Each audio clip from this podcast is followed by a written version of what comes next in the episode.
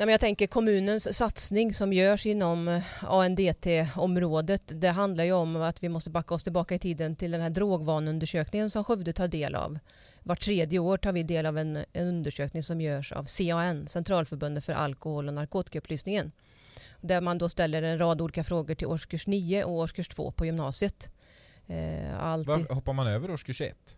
På gymnasiet? Ja, man ställer bara till alla nior och alla tvåor på gymnasiet. Det är liksom den målgruppen som man mäter på.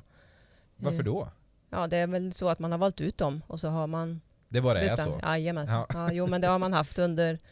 Man har, den här undersökningen har vi gjort sedan 1971, så det är ju, man kan ju få ut trender över tid. Eh, men där är det allt ifrån hälsa till eh, hur jag lever och har det där hemma till de här områdena kring alkohol och narkotika. Eh, och det, det, är väl därifrån som liksom man har tagit ut då att senaste mätningen som vi gjorde 2019 eh, att man då såg att de drogliberala attityderna verkar hålla i sig. Det var det man såg. Eh, bruket i sig, att jag tar mer narkotika, har inte ökat men däremot inställningen till narkotika det här med att det inte är så farligt och jag gör väl som jag vill och det ska ingen få bestämma utan vill jag ta droger så ska jag väl ändå få göra det.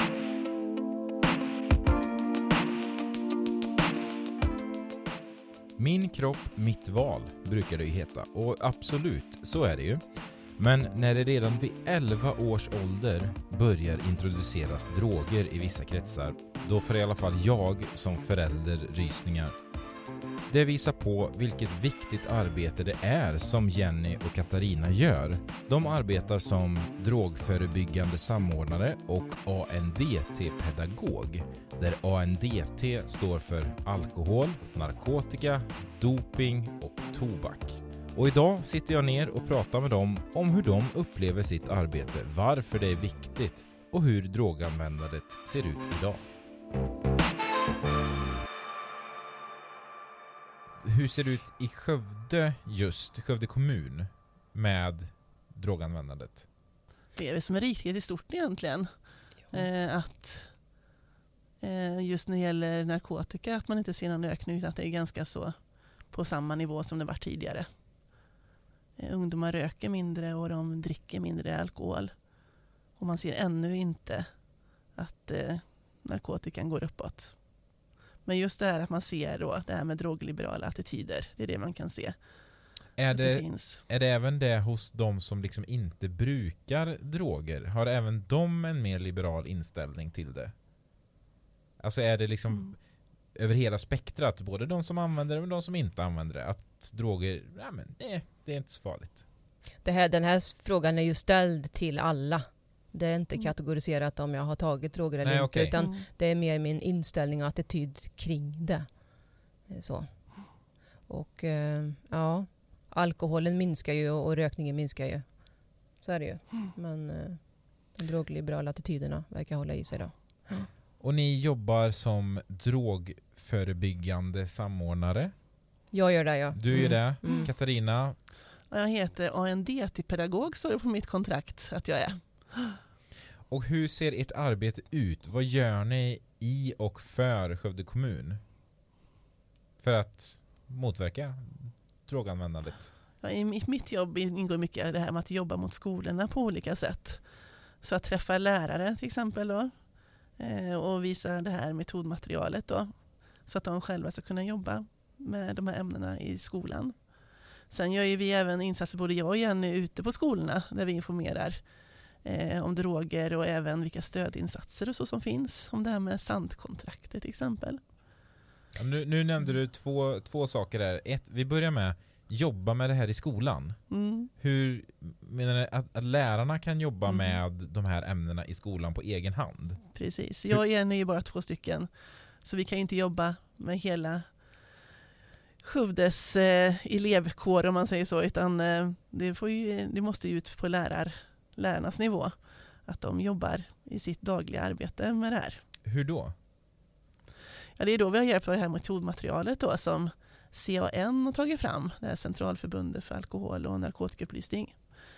Eh, och då ska man kunna integrera detta i sina skolämnen då.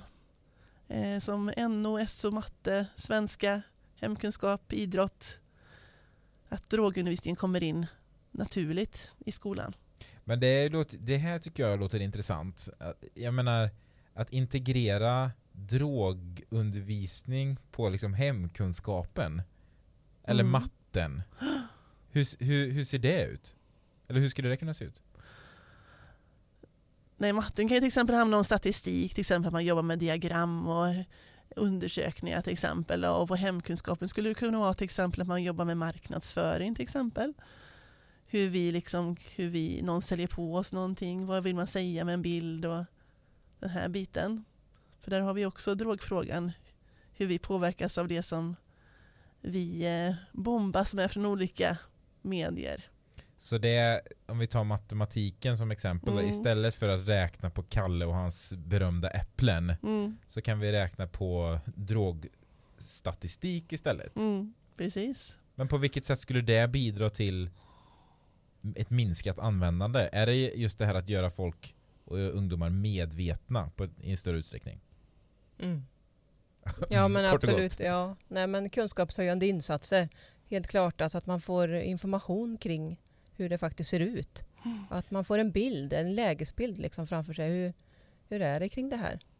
Ja, och det gäller väl lite generellt att få Mm. fakta och få Mm. information. Jag menar, det är ju det är först då man kan bilda sig en faktisk uppfattning. Mm. Men jag tänker också kommunens eh, ANDT-satsning, syftet är ju också att få till ett systematiskt och hållbart arbete. Och det här med att det ska vara systematiskt, alltså att det ska vara återkommande och det ska heller inte spela någon roll vilken skola jag går på. Utan jag ska få till mig den här kunskapen oavsett vilken skola, om det är inne här i centrum i Skövde eller lite utanför så ska jag liksom under min skolgång få till mig kunskap kring alkohol och tobak och narkotikadelarna. Ehm, och målsättningen blir ju liksom det här att vi ska implementera det här metodmaterialet ANDT på schemat.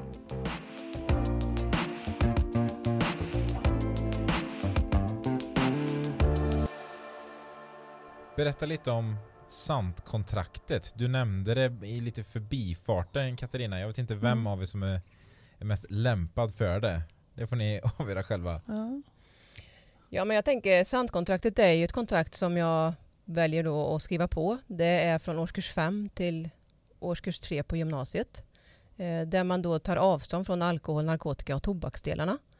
Eh, och kontraktet gäller under ett år. Under året så får då barn och ungdomar då möjlighet att vara med i prisutlottningar så man får fina priser men man får även ta del av ett eh, förmånsblad där man får olika rabatter.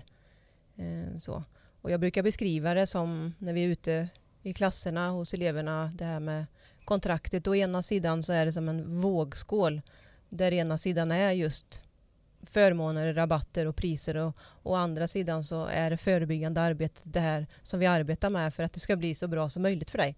Eh, och vikten av det här med att vi vet att ju tidigare barn och ungdomar tar ställning i, i frågorna kring alkohol och narkotika desto bättre är det.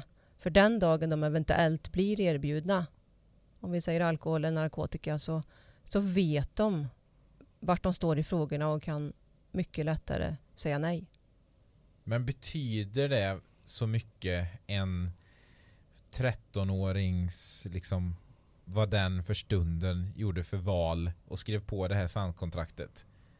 När den, samma 13-åring blir erbjuden eh, sin första öl eller sin första cigarett Menar ni då att den ändå har det här SANT-kontraktet i huvudet och på grund av det, eller tack vare det, tackar nej? Ja, till stor del så vet vi med forskning att när barn tidigt tar ställning så är det absolut en hjälp för dem framåt i livet att faktiskt säga nej. För de vet då mycket lättare vart de står i frågorna. Eh, och det vet vi med forskning att ju tidigare jag tar ställning och ju längre jag också håller och förnyar mitt kontrakt desto bättre är det faktiskt för mig. Och det är kanske inte just papperskontraktet i sig som är viktigt utan just det här att man har tagit ställning och man har diskuterat igenom frågan. Att man vet var man står någonstans. Och diskuterat igenom frågan med vilka då? Med en förälder ska man göra detta då. För det är ju båda som ska vara med då. Både barnet och föräldern. Är SANT-kontraktet en eh, relativt ny företeelse? Det fanns inte för 15, 16, 17, 18 år sedan när jag var i den åldern. Ja, men någonstans där mot 15 år börjar det nog närma sig. 10-15 år har vi haft sandkontrakt här i kommunen. Och hur har det eh, utvecklats? Har ni sett något, ger det någonting på ren svenska? Jo, men det gör det ju. Det är ju som sagt var väldigt viktigt att man tar en ställning och absolut skulle jag säga. Det, det kan vi se. Och vad gör vi då, för, eller vi, det är ju Mm. ni, för att upplysa barn och unga om hur faktiskt farligt det här är? Hur farligt droger är? Det är inte bara att, att liksom säga att det, det är dåligt för dig. Det kan ju faktiskt få ödesdigra konsekvenser. Vad, vad gör ni där? Nej, men det är ju egentligen att man, att man ska jobba just med fakta ute på skolorna egentligen. Sen är ju jag och Jenny också runt i olika satsningar, också ute på skolorna och berättar just om framförallt cannabis egentligen i olika sammanhang. Då. Eh, att det inte är någon eh, svag drog till exempel utan att det faktiskt är eh, en drog som man kan bli väldigt beroende av. Är det cannabis som är den, den, den stora drogen liksom bland det låter ju hemskt att säga barn och unga men Mm. Mm. den, kanske den termen man får ändå ta till. Att det är barn och unga. Mm. Är det cannabis som är? Mm. Cannabis är huvuddrogen, ja. Mm. Och det är ju också så att cannabis har ju liksom förändrats över tid så det är otroligt viktigt att eh, kunskapshöja ungdomarna kring det här för cannabis är ju en, eh, inte en lätt drog om man skulle höra det för cannabis har förändrats över tid. Den förädlats på ett helt annat sätt idag när man tar fram den. Det är mycket starkare ämnen av det som man blir påverkad av som heter THC. Det är mycket högre halter idag som vi Ja, men det vet vi, för det har vi också vid Tullverket som har tagit beslag på att Sverige har en allt högre procent av just det ämnet som är mest farligt för oss. Så.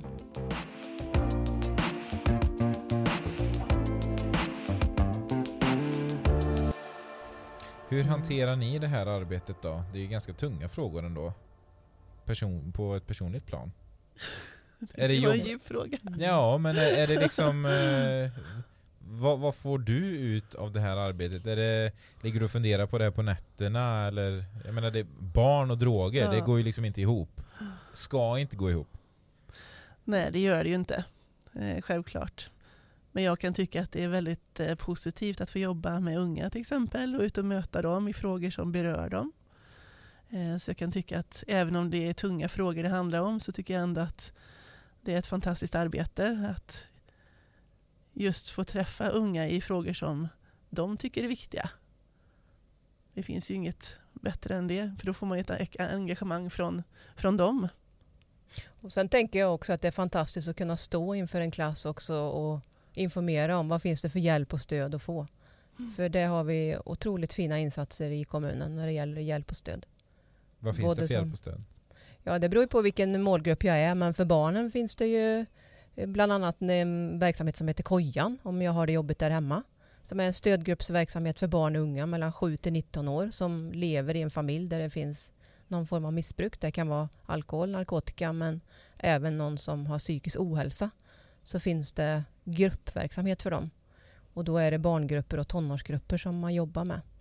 Och där är det ju så att det är ju väldigt många som säger att det är så skönt att få dela det här och se att jag faktiskt inte är ensam om att ha det så här. Det finns andra. Och att liksom fått släppa det jobbiga där. Och inte känna sig ensam. Och som vuxen då? Ja, jag tänker om vi tittar på ungdomsfrågan lite mer så har vi ju en verksamhet som heter Lokus. Vad heter det? Lo- Lokus. Lokus? Mm. Det är en eh, öppenvårdsverksamhet för ungdomar mellan 13 till 20 år som har någon form av riskbruk eller missbruk. Det behöver heller inte ha gått eh, riktigt så långt heller utan det är faktiskt en ganska låg tröskelsverksamhet.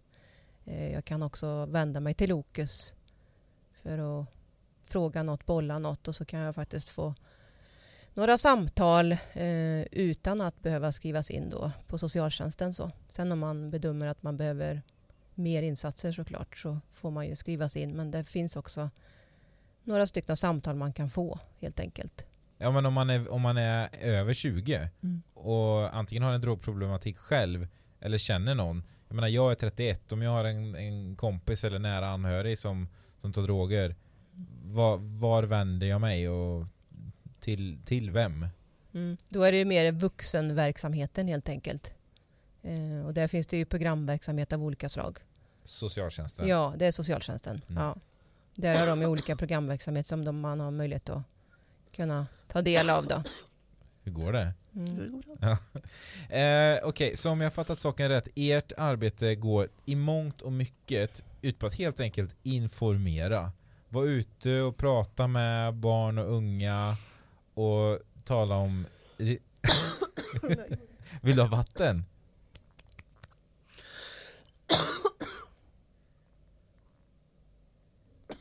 Jag får klippa här. Mm. För det är väl så egentligen ert jobb går ut på att informera helt enkelt på alla möjliga olika sätt Mm. så att budskapet går ut. Mm. Och sen skulle jag också säga då att eh, vi jobbar ju aktivt ut mot tre nivåer. Det är ju dels ut mot eleverna men det är också viktigt att jobba på föräldraperspektivet och även oss professionella så att vi också där kunskapshöjer. Så att vi har en, en bas av kunskap kring cannabis området så att vi liksom kan stå i enad front där i, om vi nu ställs inför en drogliberal ungdom till exempel. Så att vi också har kunskap att möta upp där. Det är också liksom kunskapshöjande insatser på de tre olika nivåerna. Och- de tre olika nivåerna var Eh, elevnivån, föräldranivån och sen även oss professionella som möter barn och unga. Ja, okej, ja. Mm. Så det är inte bara information till de yngre, det är även information till de äldre. Ja, för vi vet ju, tänker jag, att föräldrar är ju en otroligt viktig pusselbit i det drogförebyggande arbetet. Alltså föräldrar är ju en viktig förebild för sina barn. Allra viktigaste skulle jag säga. Så, och, och om ni undrar var Katarina tog vägen, ni som tittar, hon fick en hostattack och gick ut. Eh, och det slår mig nu att man behöver ha en tagg för att komma in här, så hon kommer inte in. Så, Okej. att, så jag tänker Jenny, att du och jag rundar av detta. Mm. Eh, det kan vi väl göra. Ja, Ja. jag tycker Eh, om jag har fattat saken rätt, ert arbete går i mångt och mycket ut på det är att informera om ja, med hela den världen egentligen och kunskapshöja både till barn, unga men även till föräldrar för att få, för att rent krasst fakta är liksom det nästan viktigaste man kan bära med sig och det väger inget. Nej, Det väger inget Nej. att bära. Och sen i kombination med delaktighet skulle jag vilja bara lägga till där. Eh, att de själva får liksom ta ställningen och känna efter. Vart står jag? Vad tänker jag? Mm. Och med de orden så tycker jag, för nu är det fredag eftermiddag den 29 oktober när vi spelar in det här. Det är snart dags att ta helg. Mm, gött. Ja, lite gött så faktiskt. Till er som har lyssnat och till er som har tittat, ha en eh, fortsatt fin, ja nu kanske inte är en fredag när man lyssnar på det här. Men må bra, må väl och ta hand om er så säger vi hej då. Hej då. Hej då. Hej då.